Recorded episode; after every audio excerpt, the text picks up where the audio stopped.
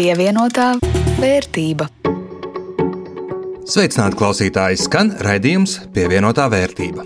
Ar to studijā Jānis Rāmāns no Latvijas radio. Un Rudīts Pakausks no Latvijas televīzijas. Šodien raidījumā stāstīsim par kreditēšanu. Kamēr valsts aizņemas naudu un plāno visai dāsni to tērēt, lai mazinātu Covid-19 krīzes sekas, mēs interesēsimies par to, kāda ir Komercbanka kreditēšanas politika šobrīd un vai cilvēki vispār neskaidrības laikā vēlas aizņemties.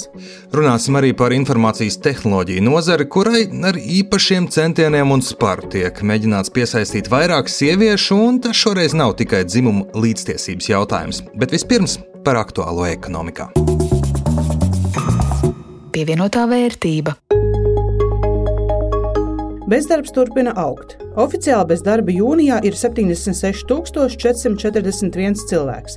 Maijā bezdarbnieku skaits pieaudzis par 3,524. Turklāt 39 darba devēji paziņojuši par aptuveni 5000 darbinieku atlaišanu. Tādi ir Nodarbinātības valsts aģentūras dati. Bet labās ziņas ir tādas, ka maijā reģistrēts arī teju 6000 jaunas darba vakances, kas nozīmē, ka brīvo darba vietu skaits pārsniedz 17000. Oficiālie bezdarba dati gan var būt mānīgi. Jāatceras, ka sava loma te ir arī ēna ekonomikai un ka vairāk nekā 45,000 cilvēku saņem dīkstāvis pabalstus. Ekonomisti rēķina, ka pieskaitot to, faktiskais bezdarbs ir ap 13%, un tas ir nejauks cipars. Tāds nav bijis kopš 2012. gada. Ar cerībām ekonomisti raugās uz Covid-19 seku pārvarēšanai un ekonomikas atlapšanai paredzētajiem diviem miljardiem eiro, par kuru aptuveno tēriņu virzienu un naudas sadalījumu izdevies vienoties valdībai politiski. Politiķi arī īpaši neslēpj, ka visai svarīgi bijis, lai visiem politiskajiem spēkiem tiktu atbildības un naudas daļa, lai tie attiecīgi varētu pēc tam palielīties saviem vēlētājiem par paveikto. Un diez vai arī kāds grib dzirdēt fiskālās disciplīnas padomus brīdinājumus un padomus, ka pārāk aizrauties tomēr nevajadzētu, jo nākotnē parādi var kļūt par izaugsmes bremzi. Viņu teiktais gan šobrīd ir kā bērnu ballītē nobērt mazajiem priekšā kilogramu saldumu un brīdināt par vēdersāpēm, sirds veselības riskiem un nākotnes sāpīgajiem tēriņiem pie zobārsta. Un te atliek cerēt, ka sadalījums un tēriņi politiski būs tādi, lai mēs tiešām no krīzes iznāktu spēcīgāka un veselāka valsts nekā tajā iekļuvām. Un arī nezaudējam konkurences cīņā ar citām valstīm, kuras rīkojas visai līdzīgi, bet var atļauties vairāk. Piemēram, Vācija paziņoja, ka šāda ekonomikas atbalstīšanai un modernizēšanai tērēs 130 miljardus eiro. Salīdzinājumam tas sanāk aptuveni 1500 eiro uz vienu iedzīvotāju. Latvijā tas būs aptuveni par 500 eiro mazāk.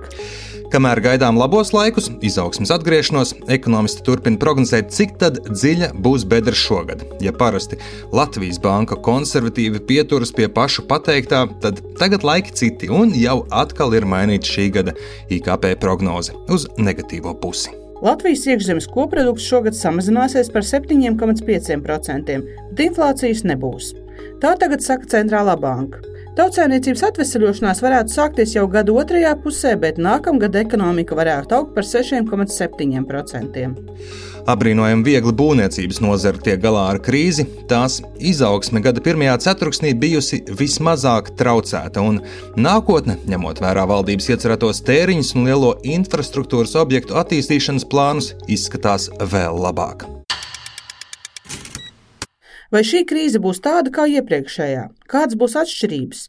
Kopš Covid-19 sākas sākuma ir jautājuši žurnālisti, bet amatpersonas pretī teikuši, nu nebūs jau tik traki, jo mēs esam gudrāki, turīgāki, ekonomiski sabalansētāki, prātīgāki, mums nav problēma naudu aizņemties. Šajā kontekstā interesanti, ka Patērētāja tiesība aizsardzības centrs ziņo, ka pērn pirmo reizi piecu gadu laikā samazinājies nebanku kredītdevēju no jauna izsniegto kredītu skaits un apjoms. Savā ziņā Šie ātrie kredīti ir vistiešākās sekas iepriekšējai krīzei, kurā bankas strauji mainīja savu kredītu politiku, kļuva ļoti, ļoti piesardzīgas un tā pa ideāla vide, kurā zelt un plaukt ātriem kredītiem. Jaunākie dati liecina, ka kopš marta hipotekāro un patēriņa kredītu izsniegšanas apjoms tradicionālajās bankās atkal ir strauji sarucis. Vai tiek kāpts uz vecā grābekļa un atkal top auglīga augsts nebanku kredītevējiem, un kāda ir banku kredīta politika šobrīd? To devās skaidrot Linda Zalāne. Līdz ar ārkārtējās situācijas izsludināšanu valstī samazinājās kopējā iedzīvotāja ekonomiskā aktivitāte, un tas atspoguļojās arī pieprasīto un izsniegto kredītu jomā. Cilvēki krīzes laikā nedomā par pirkumiem un kredītiem. Tas pieprasījums samazinājās nu, atkarībā no segmenta klientu no 50 līdz pat 70 procentiem aptuveni. Situāciju sākoties ārkārtas laikam atminas SEB bankas valdes loceklis Hārnešs Kapars.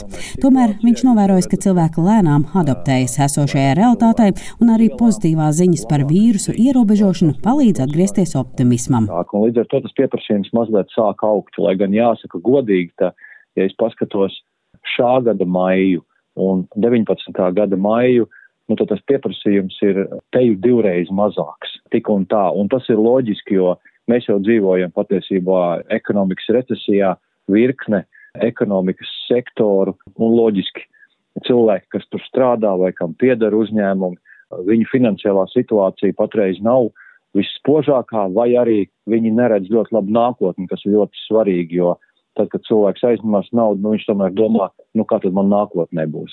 Arnis Škapars uzsver, ka SEB banka klientu maksātspējas izvērtēšanā nekad nav bijusi vaļīga, bet arī sākoties šai krīzē banka nav izvirzījusi kādas stingrākas prasības pret klientiem vai kredītu izsniegšanā pievilkusi grožus. Lielāks uzsvers tiek likts uz katra klientu pieteikumu rūpīgāku izvērtēšanu, tā teikt, individuālāku pieeju. Šādu stratēģiju izvēlās arī citas Latvijas radio aptaujātās bankas.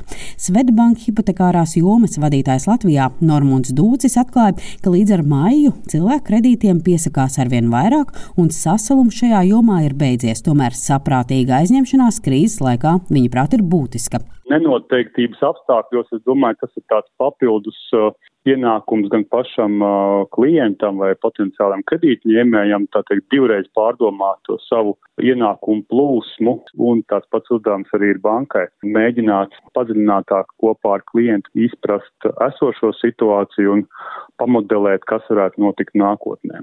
Bet kāds tad ir ideālais kredītņēmēja profils no bankas skatu punkta? Normons Dūts teica, ka visām bankām prasības pret potenciāliem kredītņēmējiem ir samērā līdzīgas. Ir trīs pamatkritēriji. Tad viens kritērijs ir stabili regulāri oficiāli ienākumi. Otrs kritērijs noteikti uh, uzkrājuma veikšana, jo, ja banka redz, ka klients ir spējis veidot uzkrājumu jau ilgākā laika posmā un atlicināt naudu varbūt ne tikai pirmā iemaksai, bet arī kādiem citiem pirkumiem, tādam drošības pilvenām, tas jau liecina par ļoti, ļoti tādu labu un pārdomātu finanšu plūsmu. Un, uh, protams, un trešā lieta neatņemamā ir nu, nesabojāt šī iepriekšējā kredīta vēsture. Vērtējot klienta maksāt spēju, tiek ņemtas vērā visas klienta saistības arī citās bankās un nebanku iestādēs. To prasa likums.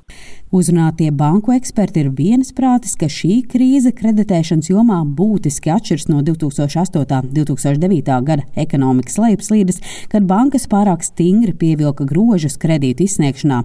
SEB bankas valdes loceklis Arnis Škapars teica, ka šobrīd drīzāk ir sarucis pieprasījums pieejams, nevis bankas aizvērušas durvis potenciāliem kredītņēmējiem. Viena no tādām kļūdām, ko banku nozara pieļāva, iepriekšējā krīzē bija tas, ka patiesībā nu, tāds patēriņa kredīts gandrīz nebija pieejams bankā. Un tad, protams, daba nemīl tukšumu un parādījās veikli puiši, kas eh, māk labi rēķināt, un tā nozara attīstījās. Nebanku sektors nav kaut kas nevēlams vai slimīgs, jo konkurence tomēr ir ļoti laba lieta. Tie finanšu tehnoloģiju uzņēmumi ir kaut kas tāds, kas noteikti pastāv un pastāvēs kā alternatīvu bankai, nišas kaut kādiem klientiem. Arnis Kapers neprognozē, ka šajā krīzē sakuplos nebanku sektors. Tieši pretēji viņuprāt būs uzņēmumi, kas var arī neizturēt šo krīzi. Bet vienmēr ir vieta alternatīviem spēlētājiem, jebkurā nozarē, ja to neaizliedz likuma. Linda Zalāne, Latvijas radio.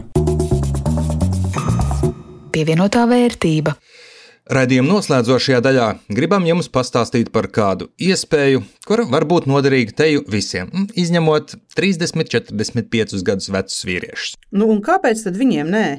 Atbildēšu tev mīklā, jo runa būs par nozari, kurā viņi jau tagad dominē un valda, kura ir viena no šobrīd labāk apmaksātajām un pieprasītākajām pasaulē, un turpmāko piecu gadu laikā šajā nozarē Latvijā trūks ap 17 tūkstošiem darbinieku. Tas pēc ekonomikas ministrijas prognozēm. Un pēc providus pētījuma datiem šobrīd zēniem to kā nākotnes darbu nozari ieteiktu 86%. Var uzminēt, par kuru jomu es runāju? Informācijas tehnoloģijas. Bingo! Tieši tā informācijas un tehnoloģijas nozara par tās nākotnes vajadzību un perspektīvu nav ne mazāko šaubu. Lielā mērā tā jau tagad nosaka to, kā mēs daudzas lietas lietojam, kā sazināmies, kā iepērkāmies un kur daudz jo daudz inovāciju pamatā. Bet problēma ir tāda, ka šajā nozarē saimnieko nospiedošā pārsvarā vīrieši, un līdz ar to arī šīs nozares radītās lietas risinājumi galvenokārt ir paredzēti vīriešiem. Jep, jaunie gudrie telefoni ir par lielu smalkāku sieviešu plaukstām, virtuālās realitātes cepures ir par lielu un par smagu, un pat Google runas atpazīšanas programmatūrā ir problēmas atpazīt sievietes balsi. Arī automātiskie teksta atpazinēji reizēm mēdz visu tekstu pārvietot vīriešu dzimtē. Jā, labi piemēri, par kuriem man pat nebija nejausmas, bet uh, labi ir tas, ka to sāk apzināties un saprast arī šajā industrijā, ka tikai ar lietu nokrāsošanu rozā kādu spīdumiņu klāt nepietiks, un šo problēmu var atrisināt uh, ar to, ka vajag vienkārši IT nozarē vairāk sieviešu. To saprot arī Latvijā, un tādēļ šomēnes ir uzsākta Tech Mentor IT vēstnešu iniciatīvas un mentoru programma, kura galvenokārt mērķēta uz sieviešu un meiteņu iesaistu nozarē. Kopumā situācija Latvijā parāda, ka Latvijā sievietes šajā nozarē starp speciālistiem veido 21%. Kopumā Latvija vienmēr ir bijusi nedaudz labākā situācijā nekā Eiropas Savienības valstis, bet tomēr šie 25% paši par sevi neliecina par labu situāciju. Tā stāsta providus pētniece Līga Stafetska, kur arī pētījusi, kāpēc ir tā, kā ir. Un viens no iemesliem ir sabiedrībā valdošie stereotipi. Ja cilvēkiem prasa, vai neatkarīgi no dzimuma, jebkurš var tikt galā ar jebkuru darbu, tad puse saka, ka drīzāk jā, bet, ja pajautā mazliet viltīgāk, tad atklājas patiesā aina. Piemēram, automehāniķi ar lielu drošību var teikt, ka cilvēki dos priekšroku vīriešiem, un līdzīgā veidā par bērnu pieskatīšanu to uzticēs sievietēm par datoru un telefonu remontu 27% būtu vienalga, vai tā ir sieviete vai vīrietis, kas servis centrā viņu sagaidītu, bet lielākajam vairākumam viņi dotu priekšroku vīriešiem. Tātad, ja mēs prasam abstrakt, tad cilvēki tā īsti negrib teikt, ka viņu stereotipiski neskatās uz dzimumu, bet ja mēs viņus izaicinām ar konkrētām situācijām, šie stereotipi labi parādās.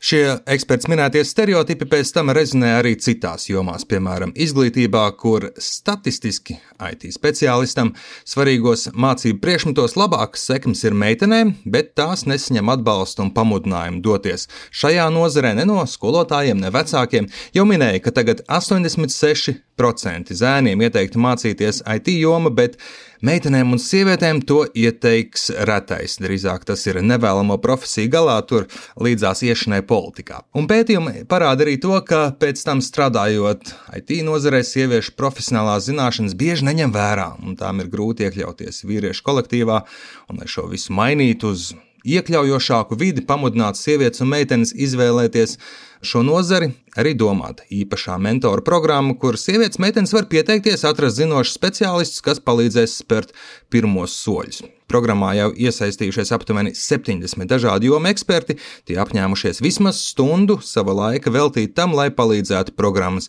dalībniecēm, tām, kurām ir interese par eh, IT jomu, noticēt saviem spēkiem un iedrošināt karjerai tehnoloģiju jomā.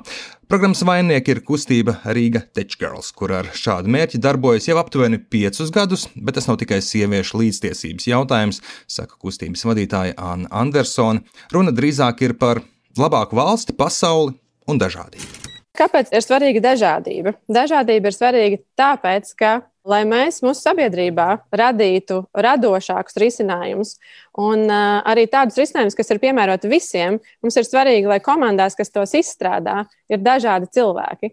Un uzņēmumiem tas arī ir svarīgi, tāpēc, ka tad, ja gan vīrieši, gan sievietes tieksies vienlīdz spēcīgi uz šīm pozīcijām, mums būs daudz plašāks darbinieku tirgus. Un mūsu mērķis ar Riga Cekels ir palīdzēt cilvēkiem pārvērsties no tehnoloģiju patērētājiem, kuri mēs visi esam ļoti labi un profesionāli, uz tehnoloģiju radītājiem, tiem, kas rada šo nākotni. Pievienotā vērtība.